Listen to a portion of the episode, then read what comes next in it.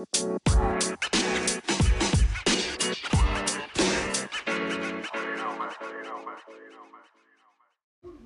mensen, dit is de podcast van corona.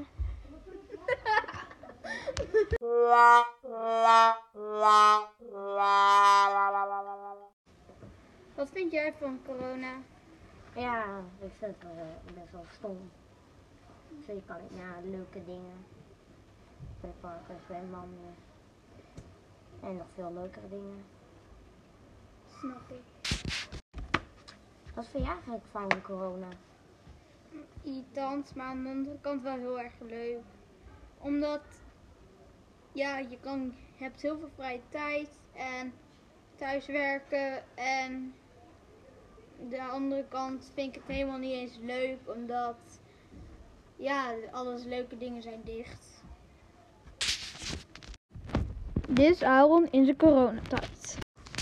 Eh, ik heb saai dingen gedaan in eh coronatijd. Saai dingen, stomme dingen. Ik heb eh, op sport met Joran een beetje gek gedaan. Dat heb ik het enige wat ik leuk vond in de coronatijd. Dit is Joran wat hij in de coronatijd heeft gedaan. Mijn coronatijd was prima.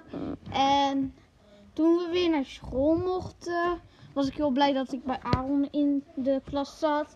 En dus elke dag zitten we naast elkaar, zitten we samen te werken en een beetje ahoeren.